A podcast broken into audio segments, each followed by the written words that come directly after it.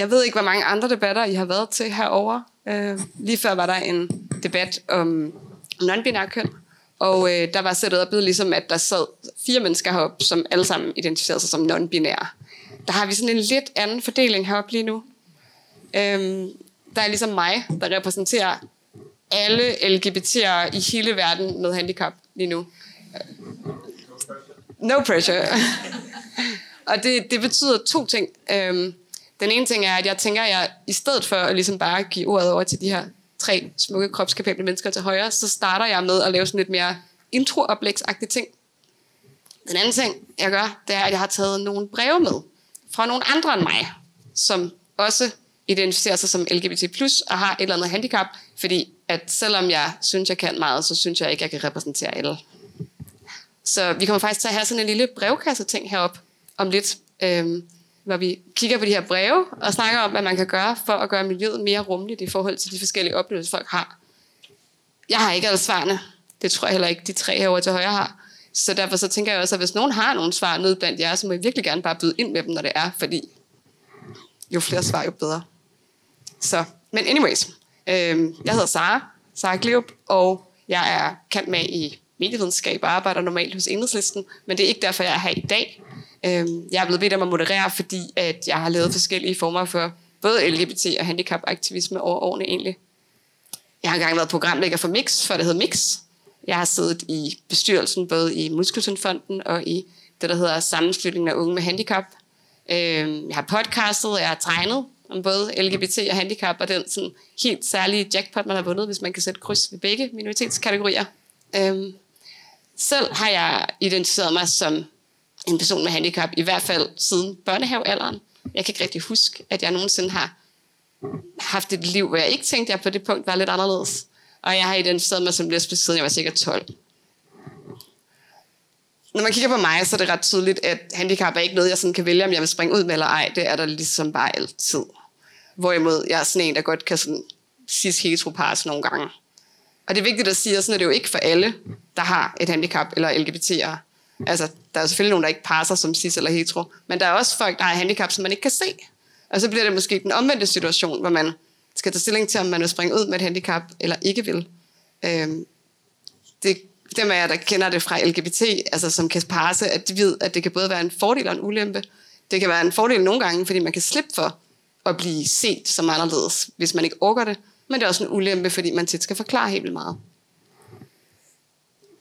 Øhm, det var den ene af de to pointer, jeg gerne lige vil sige først. Altså det her med, at det, det er jo meget forskelligt, hvad handicap er. Øhm, og at jeg ikke kan repræsentere alle slags. Den anden ting, jeg lige vil slå fast, inden vi går i gang, det er bare lige sådan et par ord.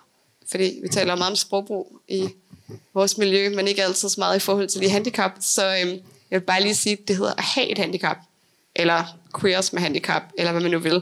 Det hedder ikke handicappet, eller funktionshemmet, eller spasser. Øhm. Og det er fordi et handicap er noget, man har. Det er ikke noget, man er. For det er noget, der kommer an på situationen. Hvis nu jeg ikke havde kunne få den her headset-mikrofon, så havde jeg haft et handicap, fordi jeg kan ikke både holde mine noter og en mikrofon på en gang, for det kræver to hænder. Men fordi jeg fik et headset, så har jeg ikke noget handicap lige nu i den her situation. Og så jeg, der ikke har et handicap, bliver kaldt kropskapable. Så det er bare det. Tilbage til min første pointe, det der med, at, at handicap er meget forskelligt. Øhm, det betyder også, at det at være LGBT plusser og have et handicap spiller sammen på nogle ret forskellige måder. Øhm, et eksempel kan være sådan bare i forhold til at finde ud af, hvordan man identificerer sig. For mig kom handicap først. Der var nogen, der gav mig sådan en muskeltyndiagnose, da jeg var to. Og jeg kan ikke huske, at jeg ikke har haft det sådan i min bevidsthed. Øhm, da jeg så på et tidspunkt i puberteten fandt ud af, at jeg måske havde en andethed mere, at jeg måske var sådan lidt mere end gennemsnitligt interesseret i mine veninder, så tænkte jeg ikke, nå, jeg har et handicap, og jeg er tilfældigvis også lesbisk. Jeg tænkte, hmm, jeg har muskelsvind, så jeg er sådan lidt splejset og skæv. Så det er nok derfor, jeg tror, jeg er vild med piger. Det er bare fordi, jeg tænker, at jeg gerne ville have en krop ligesom dem. Så på den måde, så blev det egentlig blandet lidt sammen, og gjorde, at der gik ret mange år, før jeg fattede, at jeg sådan set bare var lesbisk og havde et handicap at det ikke var sådan en eller anden misforståelse på grund af mit handicap. Det kan ske fuldstændig omvendt for folk, der får det i den anden rækkefølge. Jeg kender en fyr, som øh, for hvem det at være homo ligesom kom først. Han har identificeret sig som queer, siden han var meget, meget ung. Og så har han muskelsvind i sådan en meget mild grad, Så han fik først symptomer, da han var ret gammel, og fik først en diagnose i 20'erne. Da han så i teenageårene begyndte at sådan gå lidt dårligt og løbe lidt dårligt og sådan noget, så tænkte han ikke, Nå, jeg ved, jeg er homo, jeg har åbenbart også et handicap. Han tænkte, hmm, de der problemer, jeg har med idræt, det er nok, fordi jeg er bøsse, fordi der er ikke noget med, de er dårlige til at spille bold. Så altså igen, det er helt vildt forskelligt, hvordan det her spiller sammen. Øhm, og igen, det er bare for at sige, jeg kan ikke repræsentere alle. Det eneste, jeg kan sige, er, man, at vi alle sammen har til fælles, os der på en eller anden måde er LGBT og har et handicap, det er, at vi har to andetheder. Og det betyder jo, at nogle gange så føler vi os hverken hjemme i handicapmiljøet, hvis man kan sige, at der er et handicapmiljø i Danmark, øhm, og nogle gange så føler vi os ikke hjemme i LGBT plus miljøet. Så. Men øh, jeg vil lige rose Brighton for at have lavet den her debat, eller inviteret til den her debat. Jo, det er sådan første gang, jeg kan huske, at handicap overhovedet har været med som sådan en ting. Vi har ikke noget flag. Jeg kunne godt tænke mig, at der var en strip på flaget, men jeg ved ikke rigtigt. Det, jeg tænkte sådan på, hvilken farve en handicapstrip skulle have. Om det så skulle være sådan noget kommuneblå eller hvad. Kan være nogen, der har et bedre forslag. Desværre synes jeg, det er vildt ærgerligt, at det eneste andet event, der er i år, der har med handicap at gøre, som er tegnbuen, der har et for døve og hørehæmmede. Det er lige samtidig med det her. Det er sådan virkelig, virkelig ærgerligt, så det håber jeg ikke sker en anden gang. Øhm, men ja, som sagt, så øh, har jeg altså taget nogle breve med fra nogle andre, som ikke nødvendigvis kunne være her, men som, som jeg så kan sørge for at blive repræsenteret via et brev i stedet for. Men inden vi går til det, så synes jeg bare lige, vi skal høre, hvem vores brevkasse medlemmer er. Jeg tænker, at I måske bare lige kan fortælle, hvad for nogle organisationer I, øh, I repræsenterer. Hvem der sådan kommer i jeres organisationer, hvor mange mennesker der er, og måske også, om I er klar over, i hvilket omfang der også er nogen, der har handicap, der bruger jeres organisationer. Vil det være cool? Yes. Den virker, ja. Jeg hedder Ask Ulrik Petersen, jeg er forperson i LGBT Danmark. Øh, når du spørger til, om, øh, om der er folk, der er brugere af, af LGBT Danmark på den ene eller anden måde, som øh, også har et handicap, så, øh, så det er jo rigtig ærgerligt, men jeg kan meddele, at i juni, der valgte vores gruppe øh, Handy LGBT, tror jeg nok de hed, at nedlægge sig selv. Og, og det har... Øh, det, det, det var, altså der skete en masse andre ting på det tidspunkt, så vi havde ligesom hælderne fulde. Øh, men det var vi jo rigtig kede af. Øh, specielt også fordi vi netop er flyttet til nye lokaler, hvor vi har øh, lift, og hvor vi har elevator, som vi ikke havde i de gamle. Vi havde en elevator, men den var fra, det ved jeg ikke, starten 1900-tallet, og, og overhovedet ikke øh, i stand til at få nogen, der brugte kørestol, eller som, som havde svært ved lige at, at fylde den plads øh, øh, op til vores lokaler. Det er noget, vi fokuserer øh, på. Det er derfor, vi er flyttet dertil, øh, som vi er. Når man taler om brugere af LGBT Danmark, så har vi jo mange forskellige tilbud. Øh, nogle er i huset, og andre er uden for huset. En af de ting, vi har, det er vores rådgivning. Øh, og der håber jeg da, at, at, at den den fagner alle LGBT-personer. Øh, ja. Har I nogen frivillige rådgivning med et handicap? Ikke synlige, ah. hvad jeg ved af, øh, men jeg kender heller ikke dem alle sammen. Men de har gangbesværet, øh, og vi kan se det at, at, at have en elevator og det at have en lift øh, hjælper dem godt op i vores forening. Mm. Så vi håber, at øh, Handy LGBT, eller hvad det nu skal hedde, mm. øh, i fremtiden kommer tilbage til LGBT Danmark. Ja, jeg hedder anne Sofie Frankel og kommer fra AIDS-fondet, hvor jeg sidder og arbejder med viden, uddannelse og frivillighed. Og øh, det er jo et meget interessant spørgsmål, jeg fik her til formiddag. Øhm, så jeg har været i gang med at grænske organisationen øh, og lægge, øh, jeg sådan lige tænkt lidt over det. Og øh, det jeg er kommet frem til, det er, at vi har jo en del frivillige. Og øh, især her i København, der er vi nok på omkring 40 procent der har en eller anden form for funktionsdiversitet. Øhm, og det er jo meget bredt, øh, hvad det kan være. Og det er egentlig ikke noget, vi sådan spørger folk om. Øh, og fordi at vi øh, til alle vores øh, tre afdelinger har, øh, altså som ligger i København uden til Aarhus, har elevator, så, øh, så er der jo mange, der kan komme ind øh, ved os uden og, øh, og skal gøre noget særligt ved det.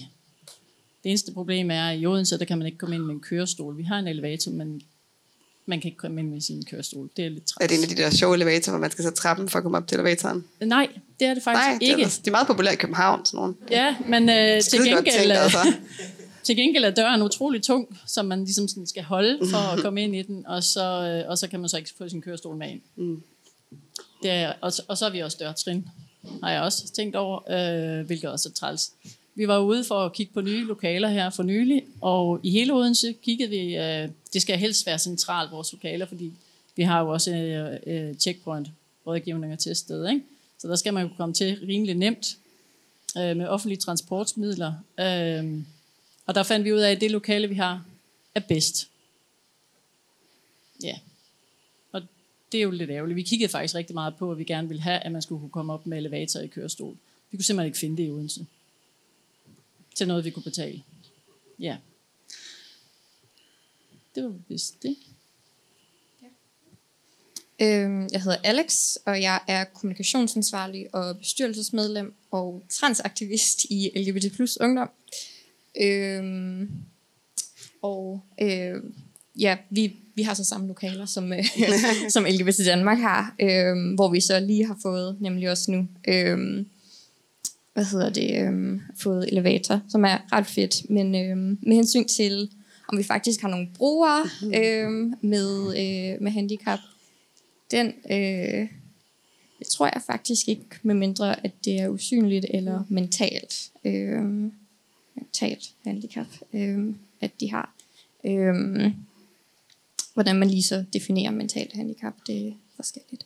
Øh, men, hvad hedder det, øhm, jeg ved, at vi har haft nogle stykker øh, tidligere, som gerne ville have været øh, brugere, blandt andet til, til Pride frivillige, øh, ville vi gerne have nogen, øh, eller var der nogen, der gerne ville være det, øh, men simpelthen fordi vi var i de gamle lokaler, så kunne vi faktisk ikke. Øh, så forhåbentlig øh, kan vi få nogle frivillige nu, der har, øh, ja, forhåbentlig er der nogen nu, der har lyst til at være øh, frivillige. Øh, Opklarende spørgsmål. Hvad er det nu aldersgrænsen er for LGBT ungdom nu om dagen? Den er lidt svær. Den er svær, okay.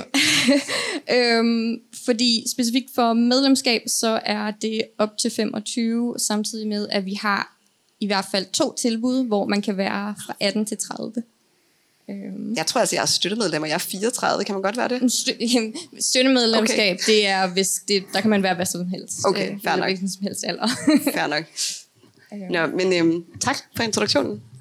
Jeg tænker, at øh, det er meget passende, at øh, det er dig, der slutter, Alex, fordi at øh, det første brev, jeg har taget med, er et brev fra en 15-årig. Det er faktisk fra mig selv. Øhm, det er sakset fra min øh, efterskoledagbog. Helt autentiske efterskoledagbog i 2000. Så den her øh, Sara Gleup, 15 år, der skriver her, vil måske have nogle andre muligheder i dag, det ved jeg ikke. Men, øh, men, men jeg vil gerne høre jeres bud på, hvordan hun kunne blive rummet i dag. Så nu lyder det her teenage dagbog uddrag. At det er lidt alvorligt, men det er også fordi, det er teenage smerte, ikke? så det må jeg altså lige tage med. Man var lidt dramatisk dengang. Jeg græd foran min lærer i dag, og jeg kunne godt begynde igen nu, kan jeg mærke. Hvorfor skriver jeg overhovedet det her? Jeg må vel ud med en smule, men uanset hvad, bliver jeg nok snart nødt til at tale med nogen. For jeg er kun 15. Og jeg føler nogle gange, at problemerne bunker op omkring mig. Ikke bare et, men flere kilder på én gang. Jeg har et handicap og må leve med begrænsningerne. Hjælpere, der tror, at de også er mine lærere. Selvstændighedsproblemer i den forbindelse. Problemer med, at man ikke kan komme tæt på andre. Ligge sammen på sofaen, sidde i græsset, give knus osv. At man ikke kan have et privatliv. Så er der min usikkerhed. Frygten for, at jeg er udenpå en i kørestol. Og hvis folk kommer forbi den, gør de heldigvis hurtigt. Så ser de mig, og kommer de endnu længere, så fortryder de.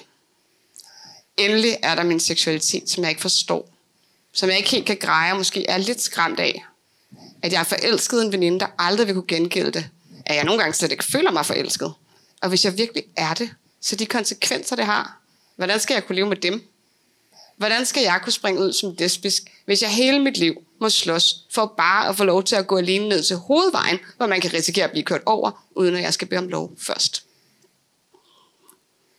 Det her brev, det blev skrevet på et tidspunkt, hvor jeg var fuldstændig håbløst forelsket i en heteroveninde på min efterskole. Det er der nok nogen, der kan genkende. Men det, der var lidt særligt for mig, det var, at jeg hele tiden havde voksne over mig. Altså jeg kunne ikke bare, jeg skulle have en hjælper, eller en lærer, eller en forælder til at give mig jakke på, til at åbne en hoveddør. Jeg kunne ikke sådan bare diskret tage en bus til København og undersøge det der, queer jeg noget.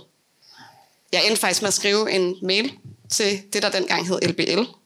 Og jeg fik verdens mest ubrugelige svar, kan jeg huske. Der var en eller anden ansat, som foreslog, at jeg bare skulle komme ind og være med til nogle af de der ungdomsting. Men vedkommende forholdt sig ligesom ikke til, at jeg faktisk ikke kunne selv på nogen måde komme ind til København. Og jeg kunne jo heller ikke komme ind i de lokaler, der var. Derudover så spurgte den ansat, om han måtte lægge min mail ud på nettet, fordi den var så godt formuleret. Og jeg var bare sådan, åh oh, nej, jeg bliver genkendt med det samme, for der er nok ikke særlig mange efterskoleelever i kørestol. Der sådan, altså. Så jeg kom ikke så meget længere. Så spørgsmålet er, hvad kunne I gøre, hvis Sara 15 år skrev til jer i dag?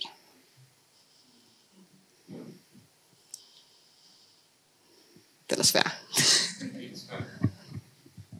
Hvad siger du, Alex? Altså, kunne hun ligesom komme til nogle ungdomsting, eller hvad? Sådan, ville du spørge, om, om du måtte lægge hendes uh, mail ud på nettet, eller? Nej. Øhm, det vil jeg starte med at sige. Øh, nej. øhm, altså, den er nemlig svær, fordi... øhm, selvfølgelig så vil min første tanke være... Altså egentlig, hvis jeg skal være ærlig, det samme som øh, den, den der, der skrev e-mailen mm. til dig. Altså bare sådan, jamen kom dog bare ind. Øhm, men så er der nemlig lige det der med, at der hele tiden er voksne, der skal hjælpe dig med alt. Mm. Øhm, så jeg vil, jeg vil ærligt talt måske øhm, henstille til, at du, eller henvender dig til øhm, vores ungdomstelefon, øh, faktisk. Øhm, det, hvis der er nogen, der ikke ved, hvad ungdomstelefonen er, så er det vores tilbud i ungdom, øhm, som øh, hjælper øhm, hvad hedder det, unge LGBTQ plus personer øh, med problemer.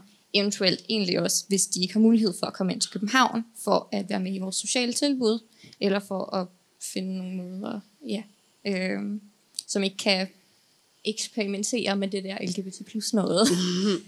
øh, det tror jeg vil være i hvert fald som udgangspunkt det bedste, mm. øh, vi ville kunne gøre. Øh, fordi jeg, jeg, har, jeg har nemlig sådan, fordi der er det der øh, hvad skal man sige, problem med, at der er voksne, der hele tiden værger over dig. Øhm, det er jo ikke noget, som foreningen desværre kan lige gå ind og gøre noget ved, øhm, hvis du ikke selv kan gøre det. Så ja, måske e-mail korrespondence med, med rådgivningen kunne i hvert fald nok hjælpe med at få afklaring på nogle ting, mm. tror jeg. Ja.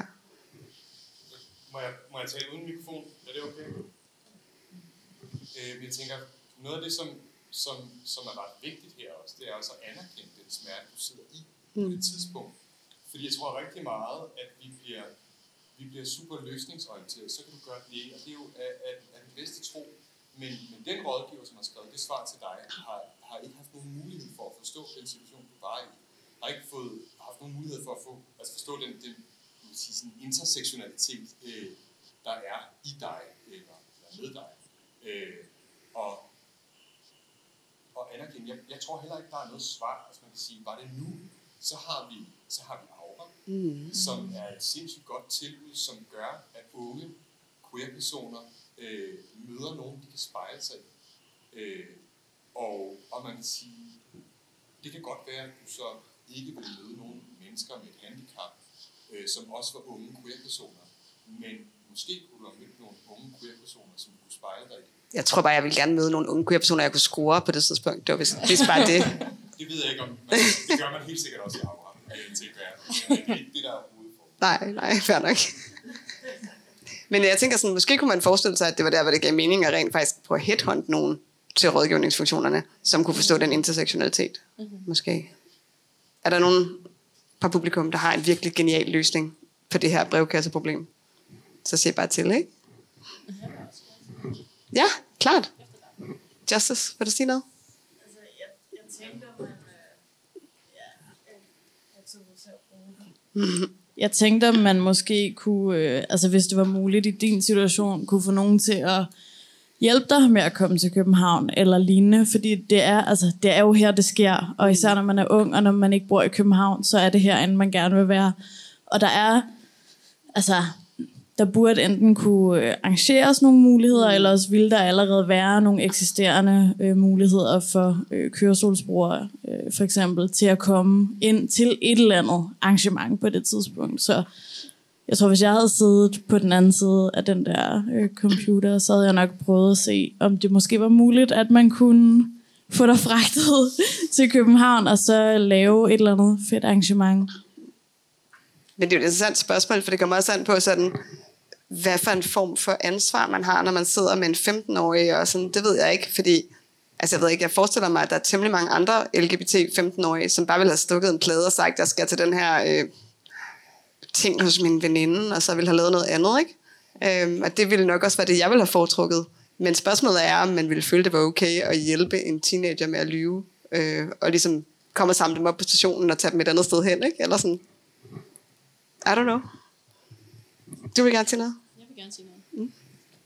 Jamen, det var netop det, jeg tænkte på, at du, du havde jo nogle hjælpere, som du ligesom havde hånd og halsret over, som vel kunne have kørt dig til et sted, hvis du gerne ville. Eller hvad? Jo, altså både og, fordi man kan sige, at de fleste, som har et handicap, som er under 18, har ikke nødvendigvis deres egne hjælpere. Så det er typisk nogen, der er ansat af skolen eller noget andet. Mm. Så man har ikke sådan den samme råderet over dem. Og det er heller ikke sikkert, at det er hjælpere, som... Altså det kan godt være homofobiske hjælpere, man ikke, har, altså man ikke selv er ansat. Så det er ikke sikkert, at man sådan kan overskue projektet. Så vil man måske hellere lyve og bilde, bilde nogen ind, at man skulle sætte sig et andet sted og hentes bagefter. Mm. Øhm, kunne jeg forestille mig. Eller det var sådan, jeg ville have haft det. Men jeg tænker også, der, der må også være sociale fællesskaber online, som man måske vil kunne bruge i dag. Det tænker jeg også. Måske, at det ville være en fordel, som ja. ikke var der dengang. Ja, lige præcis. Nå, men øhm, du vil gerne sige noget? Vil du have en mikrofon, Henrik? Jo, men øh, jeg vil egentlig bare sige, at øh, jeg har selv i stort set samme situation som Sara. Øh, og jeg brugte Sara som den rådgiver, som jeg ikke kunne finde nogen andre steder. Jeg er lige på øvre end Sara. Øh, og da jeg så var meget i tvivl om mig selv og alt muligt andet, øh, så øh, undersøgte jeg mulighederne for at komme ind til LPC Danmark, øh, og fandt meget hurtigt ud af, at det var et, øh, det var ikke nogen mulighed. Øh, så jeg så til, hvad, hvad var jeg? Jeg følte, at jeg var udelukket fra et miljø, handicapmiljø, hvor jeg jeg kunne se nogen, jeg kunne spejle mig i overhovedet. Øhm, og det samme egentlig i LGBT plus miljøet, at jeg følte ikke, at jeg kunne dukke op nogle steder, hvor jeg kunne tale med nogen. Øhm, indtil jeg kom til om, at jeg kender hende, den fem år ældre lesbiske dame, som jeg synes, så var den gang... Øh, dame? Really? Da, dame, den gang, ja. Jeg fandme øh, godt, du ikke skrev det i den mail der, så tror jeg ikke, jeg havde svaret. øh, men jeg valgte at skrive til sig, øh, for en af de problemer, jeg har, var meget sådan, jeg tænkte, jamen, hvad rører den dag, jeg springer ud? Jeg har et helt hjælperhold, der kommer til at sige op, fordi alle vil synes, det er ulækkert at arbejde for mig. Mm-hmm. Det var den tanke, jeg så med. Og jeg havde så, præcis den samme tanke ja. nogle år tidligere. Så jeg skrev til Sara, og fik heldigvis øh, afmystificeret det. Og, øh, og Sara hjalp mig ligesom med at sige, jeg tror, det skal gå. Det skal nok gå rigtig fint. Og hvis det er går, så er det bedre, at du kommer af med de personer meget hurtigt. Jeg tror, jeg brugte ordet idiotfilter, gjorde jeg ikke? Jo, præcis. Ja. Øhm, og det jeg egentlig bare vil sige med det her var, at jeg så for et par år siden, nu er jeg ved at være ældre end den har jeg så til Sara, der, eller den alder hun havde. Øh, og tænkte, at jeg egentlig kunne tænke mig at være den, som man også kunne skrive til. Og tænkte, nu der måske være nogle lokaler, som jeg kunne måske være i og holde i andre. Og det var der heller ikke på det tidspunkt. Øhm, så jeg tænker, at vi må være nogle stykker, der egentlig har tænker sig udfylde den plads og hjælpe nogen, som sidder og egentlig gerne vil spejle sig os. Øhm, så fedt at høre, at lokalerne er der i dag. Øhm, og jeg er til rådighed, hvis I mangler en i hvert fald. Yes. Det må du gerne. Om du, er du i gang med noget headhunting her, eller? Ja, vi snakkes lige sammen. Nej, øh, nej men, men det gør mig jo enormt ondt, at, at vi, vi har haft et, et LGBT Danmark, og nok stadig har et LGBT Danmark, hvor der ikke har været plads til folk, øh, der har handicap. Øh, så kan man have alle de bedste intentioner, øh, men hvis ikke man indretter verden på en måde, som er tilgængelig, eller lokalerne på en måde, der er tilgængelig, så kan de, information, eller, så kan de intentioner jo bare altså, skrider helvede til. Det kan vi ikke bruge til noget. Øh, så jeg håber, at, at vi, altså jeg ved, vi er dialog med hinanden, mm. øh, præcis af den årsag. Jeg tænker, det er rigtig vigtigt, at man har en repræsentation blandt de rådgivere i den forening, øh, man er, øh, så man kan spejle sig i noget. Øh, og så de mennesker, som har alle mulige forskellige øh, udfordringer eller forskellige kapabilitet, øh, kan komme ind i lokalerne øh, og møde nogen, som forstår den situation, de sidder i, og som forstår de problemer, som der kan ligge ved at have hjælpere døgnet rundt. Fordi jeg går rigtig fint på mine ben. Et, det, det er umuligt for mig at begribe, hvordan det føles. Yes, jeg tænker, vi tager næste brev. Øhm, det her brev, det er skrevet fra en, der gerne vil kaldes Too Crip to Care, som man kan følge på Instagram. Og det er et lidt længere brev. Det er også et lidt alvorligt brev. Øhm, men sådan er det også nogle gange. Det lyder sådan her. Hvordan oplever du, at LGBTQIA-miljøet er til at rumme folk med handicap? Det korte svar er, jeg føler mig overset. Til de fleste events er tilgængeligheden ting, der ikke bliver taget højde for under planlægningen. Det er i hvert fald sådan, det opleves set udefra af en crib med funktionsnedsættelser, der både påvirker mig fysisk og psykisk. Det er sjældent, der bliver skrevet på et event, om det er tilgængeligt nej. Og her tænker jeg både på, om der er trapper op til et lokale, men også på, om der for eksempel er separate rum, hvor man som støjfølsom har mulighed for at trække sig tilbage, hvis det er det, man har brug for. Er eventet alkoholfrit? Hvis man tager medicin, er det ikke sikkert, at man kan drikke alkohol, og så føler man sig hurtigt ikke som en del af fællesskabet, hvis man er en af de eneste, der ikke drikker, og tit er der ikke noget alkoholfrit alternativ. Hvis tilgængelighed er nævnt i eventbeskrivelsen, så er det som oftest, fordi folk med handicap først har gjort opmærksom på, at informationen mangler. Sådan burde det ikke være i et miljø med grundværdier, der handler om at skabe et trygt rum for alle marginaliserede grupper. Uanset hvem du er og hvor du kommer fra, så længe du queer, er du en del af fællesskabet. Jeg har holdt op med at være social i LGBT LGBTQIA plus spaces, for jeg har ikke skære til det. Jeg har ikke skære til utrygheden ved de mange mennesker, larmen, lyset og at blive fysisk skubbet til, når jeg står og prøver at have en fredelig samtale med en ven. Jeg føler mig fanget, for jeg ved også, at den eneste måde, jeg kan komme væk fra larmen, lyset og lyden og de mange mennesker, er ved at tage hjem. Fordi der er ingen steder, jeg kan sætte mig, ingen rum at gå hen i, hvis man har brug for at være i fred med sig selv og samle kræfter til at være en del af det, der sker omkring en igen. Mit handicap gør, at jeg ikke har noget filter, når der kommer indtryk. Jeg tager alt ind og kan ikke lukke af, medmindre jeg fjerner mig fysisk fra det, der foregår. Og det er som regel ikke en mulighed, når du er på krykker, og gulvet, du står på, er vådt af spildte drinks, og musikken er så høj, at folk ikke kører, når du beder dem flytte sig. Tit ender jeg med at stå i mørket og håbe på, at jeg bliver set af et kendt ansigt, der kan hjælpe mig trygt og sikkert gennem havet af mennesker og væk fra det utrygge. Til demoer er det det samme scenarie, med uoverskueligt mange kilometer at gå oveni. Tit tænker jeg, where are all my cribs at? At home. Vi er derhjemme, for vi ved, at der ikke er plads til os for de fleste events. Vi ved, at hvis vi begiver os ud af sociale, vil det koste så meget energi, at det vil tage dage, uger eller måneder, før vi kan komme ud igen. Det er selvfølgelig helt legit ikke at have kræfter til at være social. Men jeg har tit tænkt, at det netop er den holdning, at det er okay at blive hjemme, hvis man ikke har kræfterne, der gør, at der ikke sker nogen ændring i miljøet. Vi bliver hjemme og bliver ikke set, bliver glemt. Når der planlægges events i miljøet til fester, demoer, skovtur og andet, er vi der ikke, for vi får udmattet. Og vi kommer heller ikke til at være til stede, medmindre der kommer alternativer på banen og tænkes mere på os, når der planlægges events. Hvis dit event er en protestmarch, så overvej, om du kan have cykler, vogne eller andet med, så folk, der ikke kan gå så langt, har mulighed for at sidde ned. Hvis du planlægger en stor fest med mange mennesker og høj musik, så advar om det på forhånd, så man som lydfølsom kan tage ørepropper med. Eller tænk på, om der er mulighed for et separat rum, hvor man kan få lov at lade op og slutte til festen, når man er klar igen. Det korte og det lange er, tænk på os Crips, når I planlægger events, for vi er trætte af at føle os glemt, når det gælder aktivisme og sociale queer events. Vi er også queer, og derfor fortjener vi også at være med der, hvor forandringerne sker. Forandringer, som vi kun kan være med til at skabe, hvis der bliver skabt plads til os. Where are my Crips at, spørger to Cryptocare. Og øh, ja, altså vi har jo snakket om lidt af det, men hvad tænker I om nogle af de sådan helt konkrete forslag, som to Cryptocare kommer med her, i forhold til sådan at rumme forskellighed i sociale spaces i queer-miljøet, som det jo meget handler om her? Alex tager mikrofonen sådan meget langsomt, som om det er sådan en håndgranat eller et eller andet. Nej, jeg ventede bare på, at du, eller, til du blev færdig med at snakke. Sig noget. Øhm, Øh, ja, det var bare rigtig meget information at tage. Det var virkelig godt skrevet. Ja. Øhm, hvad hedder det? Øhm, jeg skal lige huske det hele. Ja, øhm, jeg synes faktisk, det var rigtig, øhm, der var rigtig mange gode pointer. Øhm, hvad hedder det? Øhm, altså, jeg, jeg kender i hvert fald mange personligt, som øh, får, jeg ved ikke om alle ved, hvad sensory overload er.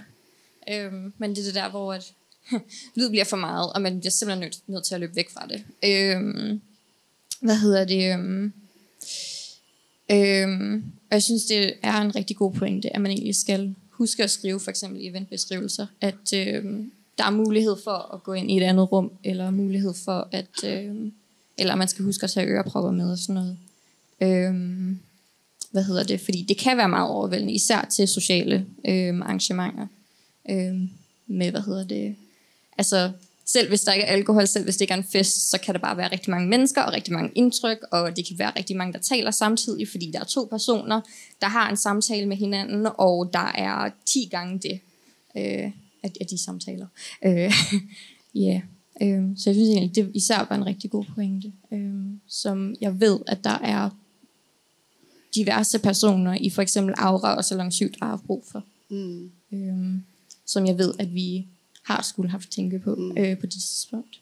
Men jeg tænker også, at på en måde er det jo noget, som kunne gavne mange, altså også Mhm. folk, der ikke har et officielt handicap. Altså jeg tænker, hvor mange af jer har prøvet på et eller andet tidspunkt at gå ud og sidde lidt for lang tid på toilettet, fordi man ikke kunne overskue en eller anden fest, ikke? Altså, men jeg kan ikke huske, at jeg nogensinde har været til en social event, hvor der har været et rum, man kunne gå ind i, faktisk.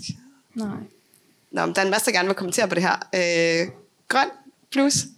Ja, øh, må jeg få en, en ting? En ting, det må du gerne.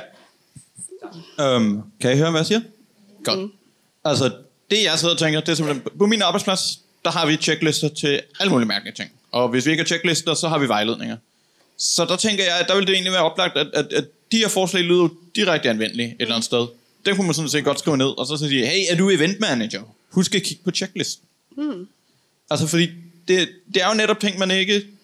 Altså, når man ikke har et handicap, så ikke nødvendigvis tænker over. Det er jo netop det, der er problemet. Så det er sådan lidt, har jeg nu tænkt over bum bum. Og, altså, og mens man er i alligevel i gang, kan man jo også tænke andre øh, handicap ind, eller også bare almindelige ting som, hey, hvis vi er øh, x personer, hvor mange drinks skal der så være? Hvor mange ikke-alkoholiske drinks skal der være? Ikke? Altså, fordi mm. checklister, mm. Det, altså for mig virker checklister. Mm. Det, øh, så Ja. det kunne være et forsøg værd. Super godt og konkret forslag. Ja. Var der andre, der, der er også... Der er der sidder noget bagved i Blomstred. Er det Blomstred, der er på din top? Jeg hedder Lisbeth Andersen. Jeg er tilgængelighedsvejleder og uddannet for Dansk Handicapforbund. Så er jeg så også lige udstyret med, at jeg sidder i en kæmpe stor kørestol. Og så øh, har jeg nær pårørende, der er lidt for gammel til at være trans ungdom, men det er jo lige meget.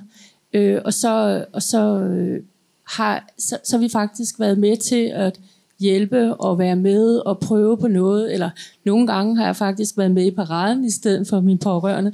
Og det, det betyder bare, at jeg efterhånden, som årene er gået, kommer mere og mere ind i, hvad det er for nogle ting, der rører sig, og hvad det er for nogle ting, folk kommer i klemme med. Og jeg kommer også selv i klemme. Jeg har tilbudt min hjælp. Jeg har kontaktet arrangører. Jeg har gjort alle mulige ting. Der er så mange af jeres organisationer og foreninger og, og hvad det hedder, Facebook-forumer øh, og ting og sager. Alle de gange, hvor, eller ikke alle, men rigtig, rigtig størstedelen af dem, de vil ikke snakke med mig. Jeg må ikke hjælpe jer med arrangementer. Jeg må ikke prøve på, og jeg kunne enormt godt tænke mig at være med i tjeklistesystemet og få noget af det ind. Jeg kunne godt tænke mig at vide for eksempel om jeres lift, som du kalder det, om ikke det er en trappelift. Fordi hvis det er en trappelift, så bryder den sammen lige så snart jeg kommer ind på den. Så har I ikke adgang for alle. Men, men også det der med, at man har en fest. Ja, alle jeres spændende drinks. Altså helt ærligt, bare to priser, med eller uden alkohol. Det skal se lige så festligt ud som de andres. Og det smager udmærket uden alkohol. Så kører vi bare med klatten. Og hvad det, her, det behøver ikke at være noget anderledes noget. Man kan sagtens, sagtens snyde det ind imellem. Og jeg kan godt love dig, når man laver et eller andet lounge ved siden af, hvor man kan være stille, så er der helt vildt mange almindelige eller bare alle i forsamlingen, der godt kan lide at lige komme hen og lige snakke lidt, og så tilbage til festen igen. Det er ikke så usædvanligt. De har det rigtig mange steder. Mm. Øh, men jeg synes, at det er helt vildt svært at komme med ind i noget, eller bare være med. Altså. Og, og så, øh, jeg har også forsøgt at komme med ind i noget, som, som, hvor jeg synes, at der har jeg faktisk virkelig noget at give. Og der har jeg virkelig noget viden, og der kunne jeg godt gøre et eller andet, hvis de gad pingpong med mig. Men jeg siger dig, de siger ja, ja og sådan noget. De skriver det op, og ja, ja næste gang og sådan noget. Jeg bliver ikke inviteret. Jeg er så træt af, at I ikke bruger det hjælp, I får tilbudt. Jeg er så træt af, at det er så svært at komme øh, til at fortælle ledelsen noget, som de kan bruge til forbedringer frem efter. Det er ikke alt sammen møgkritik. Noget af det er faktisk virkelig brugbart og kærkommen for en masse mennesker. Og så tag imod det. Tag imod det. Var bare det, jeg ville sige. Men det er jo så meget godt, at vi har et forum lige nu til, at der i hvert fald, hvad kan man sige, tre organisationer, to og en halv, jeg ved ikke, der er sådan, på en måde er LGBT Ungdom og LGBT Danmark vel lidt samme organisation. Jeg er lidt ked af, at så bare ikke uh, har joinet. De var også inviteret, og Pan Idræt var også inviteret. De er heller ikke kommet. Det, det er sgu lidt ærgerligt, fordi man kan jo også være den, der har vundet Super Jackpot, og både er BPOC og har et handicap og er LGBT. Men øh, ja, Jeg tænker, at den der checkliste er, er, skal bare udvikles øh, så snart som overhovedet muligt. Øh, og jeg tænker også, når vi laver øh, events, meget af det, der bliver, bliver bedt om, er jo ikke sådan fuldstændig urimelige krav. Det er jo, det er jo ret enkelt at lave. Øh, og der må vi simpelthen være bedre til at, at snakke sammen i miljøet og få udviklet de lister, som gør, at, at vores events øh, kan være for alle. Og så tror jeg faktisk, det er en trappelist, vi har. Mm. Øh, hvis det er sådan en, der kan klappes ned, og så kan den køre op. Og det betyder jo, at øh, så har vi ikke tilgængelighed for alle. Og så må vi arbejde på det, mm. øh, så vi kan få det. Øh, fordi det tænker jeg, det er et fond, der nok også interesseret i. Øh, og sikkert også de andre, der bor der. Mm. Øh, og øh, det lader også til, at man kan få tilskud, hist og pist, til at etablere de der ting. Øh, så det er ikke noget, der skal gå over vores egen meget lille punkt. Øh, så, så det er noget, vi skal have, have set på, om vi kan få gjort. Mm. Så snart som muligt. Når priden har lagt sig. Se, nu har vi allerede en udfordring her, fordi at, øh, jeg tror, vi skal, vi skal vi stoppe kvart i? Er det sådan reglen her? Okay, fair nok. Fordi at, øh, der er jo tre breve tilbage her, så det er jo et spørgsmål om, hvad der sådan skal prioriteres først her. Øhm, er der stemning for frivillighed, sex eller køn som emne lige nu? Sex? Okay, vi bladrer om til sex. Sådan det. skal vi se her. Yes, det her det er øh, et input fra en ung mand i kørestol, som skriver her. Helt generelt har jeg opfattet... Prøv lige forfra. Helt generelt har jeg oplevet ufatteligt mange øjne. Og jeg har faktisk oplevet flere på homoklubber end på en almindelig dag. Det er der sikkert mange, der gør, oplever at have øjne på sig på en homoklub. Men jeg føler, at øjnene tit fortæller mig, at jeg er gået forkert. Min hjælper har af en ellers sædvanligvis begavet queer fået at vide, at det der var skønt, at han sådan havde taget mig med på Nevermind, så jeg ikke sad derhjemme og legede med modellervoks. Jeg har også engang fået at vide, at en fyr godt ville knippe mig sønder sammen en gang for alle, når jeg jo nok ellers aldrig kom til at opleve sex i mit liv. Det var vel at mærke, mens jeg offentligheden kæreste og masser af sex. Den digitale del af miljøet har ikke været særlig anderledes. Jeg er på Grindr blevet kontaktet af en, der bare enormt gerne ville voldtage mig. For det var jo ret frækt, når jeg alligevel ikke kan noget som helst, mente han. Det handler muligvis bare om en eller anden handicap fetish, alt det her. Men den type oplevelser gør, at man føler sig objektificeret på den dårlige måde, og ikke som en del af fællesskabet. Det er sikkert en følelse, som nogle transkønnede også kender til, kan jeg forestille mig. Ja, altså øh, her er det jo så mere holdninger, det handler om, men det sådan er trapper og trappelifte, og det er sådan de intime relationer. Altså jeg ved ikke, er det noget, I tænker er en opgave for jeres organisationer, man kan arbejde med, eller falder det fuldstændig udenfor? Altså jeg ved ikke. Nu tager jeg. Tag den, tag den. Er jeg på? Ja, det er. Det var godt. Altså, jeg er nødt til at sige noget nu. Gør det. det er fordi, at vi arbejder jo rigtig meget med det her. Og vi har jo noget, der hedder normkritisk seksualundervisning. Mm. Hvor vi tager ud i skolerne og snakker med de unge mennesker derude om, hvordan man kan være inkluderende. Og det er på alle måder, vi snakker inklusion. Og der skal de selv være med til at komme med forslag. Og så har vi jo forskellige måder, vi snakker om det på, altså viser film og laver spil og så videre. Så jeg synes, det er enormt vigtigt. Det her, det er jo ikke noget, som man som minoriseret selv kan klare. Det er jo noget, som der ligger strukturelt i samfundet, med den måde, vi snakker øh, om hinanden på og vores kroppe på. Og det er også derfor, jeg prøver at bruge ordet øh, øh, funktionsdiversitet i stedet for handicap.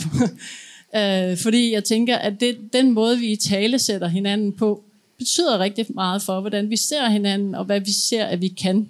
Mm. Øh, og, og hvis vi snakker for eksempel hjælpemidler, så bruger vi jo alle sammen hjælpemidler i vores hverdag. Vi har bare nogle, nogle hjælpemidler, synes vi er hvad skal vi sige, mere eksotiske end andre, og nogle synes vi er, er mindre hvad skal vi sige, relevante, eller, eller altså, man kan diskutere, om man skal have det eller ej, hvor man, man tænker, vi diskuterer aldrig, om man skal have briller, mm-hmm. eller om man skal have en jakke på, når det er vinter, eller, altså, ja, det kan godt være, nogen gør, men de fleste, de fleste accepterer, at, øh, og man skal heller ikke skrive en ansøgning, øh, når man gerne vil have et job.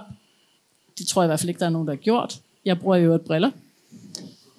Hvor man vil, øh, nogle arbejdsgiver vil forvente, at man skrev, at man havde en eller anden form for funktionsdiversitet. Mm. Hvis man for eksempel havde øh, ikke så så godt, så vil man måske forvente, at folk lige skrev det. Ikke? Og der tænker jeg bare, at det er så vigtigt, at vi får snakket med hinanden om, hvordan vi kan lave et mere inkluderende samfund, så vi ikke kommer ud af det her. Så vi som det mest selvfølgelige i verden tænker over, at når vi har fest, ja, selvfølgelig har vi både noget alkohol, hvis det er det, vi gerne vil have. Vi behøver ikke at have alkohol, men kunne også bare lade være med at have alkohol. Selvfølgelig tænker vi over det mad, vi skal have at spise. Det behøver ikke at være kødmad altid. Det kunne faktisk bare være vegansk, så kan alle måske være med. Og så videre, og så videre, og så videre. Ikke? Altså, så, men det er, også, det er simpelthen noget, vi skal snakke om. Men det tænker jeg, det er en meget konkret ting, at man kunne have det med i normkritisk seksuel undervisning, men jeg tænker også sådan, hvordan... Fordi at det forudsætter jo også, at dem, der ligesom laver materialet og står for undervisningen selv, på en eller anden måde ikke er fanget i nogle af de forestillinger, der er. Altså, ja. øh, altså, en, altså det her det er en forestilling, en anden klassisk forestilling er sådan den med, at man er øh, aseksuel. Altså, den ligger jo også lidt i, og ikke på den der selvvalgte ace-måde, mere bare på den der, eller ikke selvvalgt, men altså mere på den der sådan, der er bare ikke noget til dig, agtigt. Du leger med modellervagtsmåden. Øhm. Altså, vi snakker i hvert fald rigtig meget om det her med forskellige former for køn og seksualitet. Mm. Og at det er noget, man selv definerer. Så det ikke er andre, der har retten til at definere en, men man har retten til at definere sig selv. Det synes jeg er en ret vigtig pointe. Mm. Øhm, det, er egentlig, det ligger meget af det, du lige har sagt. øhm, hvad hedder det? Øhm, og det er nemlig, øhm, altså nu har øh, nu er jeg koordinator for, hvad hedder det, LGBT Plus ungdomstilbud SARO, som er et aktivistisk tilbud. Vi har øh, et politisk aktivistisk, hvor vi faktisk har siddet og lavet en seksuel undervisning, øh, som jeg egentlig også har talt med dig om på mm. Roskilde. Yeah. øhm, hvad hedder det? Øhm, hvor at vi, vi egentlig gerne vil have, at vi også skulle inkludere alle øh, ja, alle former for kroppe og køn og seksualitet og den måde, man taler om kroppe er enormt kritisk, og vi ville bare hele øh, vejen rundt øh, med det. Øh, hvad hedder det? Men der kan jeg huske, at vi faktisk talte om, sådan, hvordan vi kunne gøre det inkluderende for mm. personer, der har handicap. Øh, og jeg mener, at det vi endte med at tale om, det er egentlig, at det bare kunne være virkelig fedt, hvis det blev vist i sådan, altså normalt i bøger, så er der jo illustrationer. Mm-hmm. Øhm, hvad hedder det? Øhm, og at i de illustrationer, at det ikke bare var alle sammen øhm, så kropskapab Kropskapable mennesker, ja. Ja.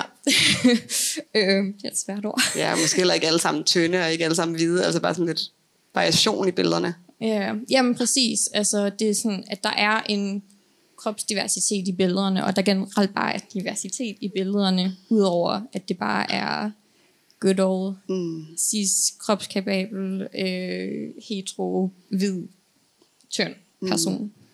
Mm. Øhm. Det er rigtigt, det er. Grunden til, at vi snakker om det på den måde, var fordi, det er lidt problematisk at lave sådan en after-school special, hvor det sådan ligesom, ja. så har vi sådan seksuel undervisning her, så har vi lige sådan en sideting om sådan en handicapreservat.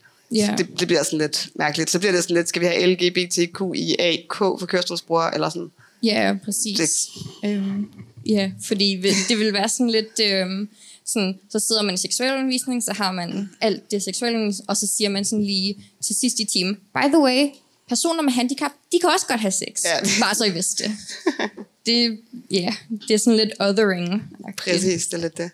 Så. Og så tænker jeg også, der ligger et, et, et, et problem øh, i MSM-miljøet, og den kultur, der er der, den sexkultur, øh, og de billeder, der bliver vist, det er det samme, du siger. Ikke? Altså, når man scroller op og ned og grinder, øh, så er det jo ikke fordi, det er en særlig divers kropstype, som bliver vist. Det er, øh, jamen, det er hvide øh, mænd i bare øh, muskuløse overkroppe.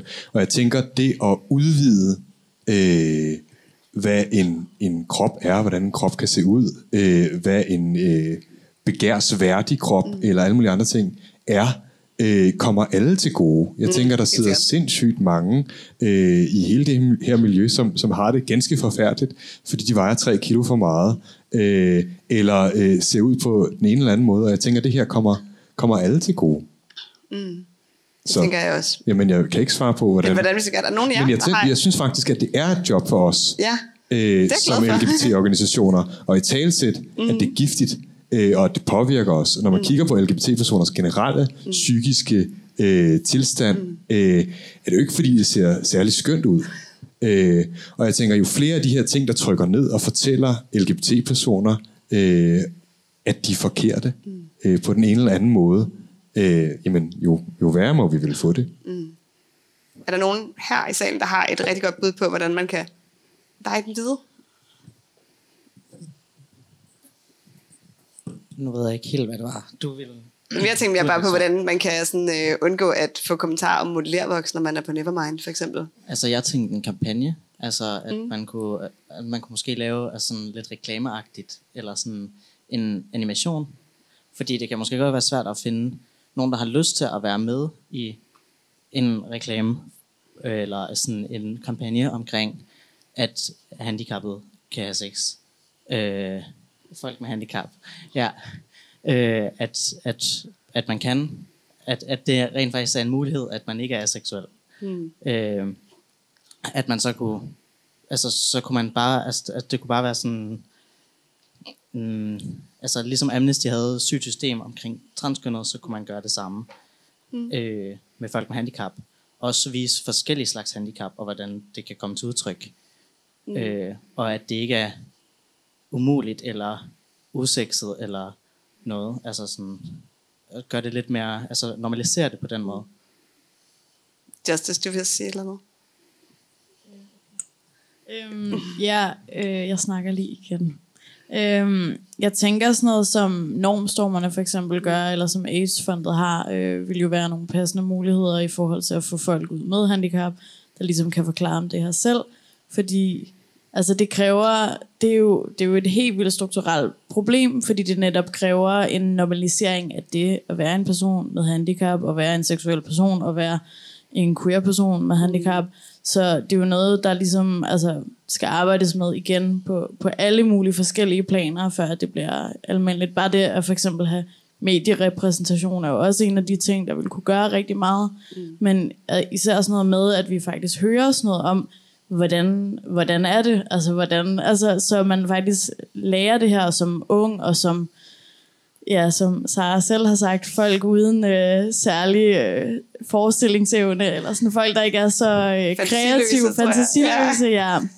Der er det vigtigt, at, at der ligesom kommer nogle af de her historier fra mm.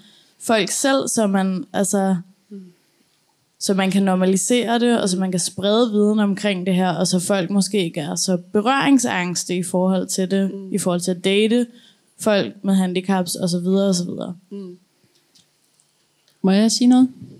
Ja, det må du gerne. Det, det er fordi, at jeg synes, det er lidt vigtigt det her, øh, når vi snakker om, øh, i AIDS-fondet, der arbejder vi nogle gange med, med, at man ligesom selv repræsenterer noget, men, men rigtig meget, især i vores seksualundervisning, der arbejder vi faktisk med, at det ikke er, altså mm. det ikke handler om, at man, at man skal ud og ligesom stille sig selv frem mm. som minoriseret person, og, øh, og sådan, jeg er faktisk okay, synes I ikke også, jeg er okay? Mm. I har ret til at bedømme, om jeg er okay. Mm. Agtigt, sådan tolerancepædagogisk.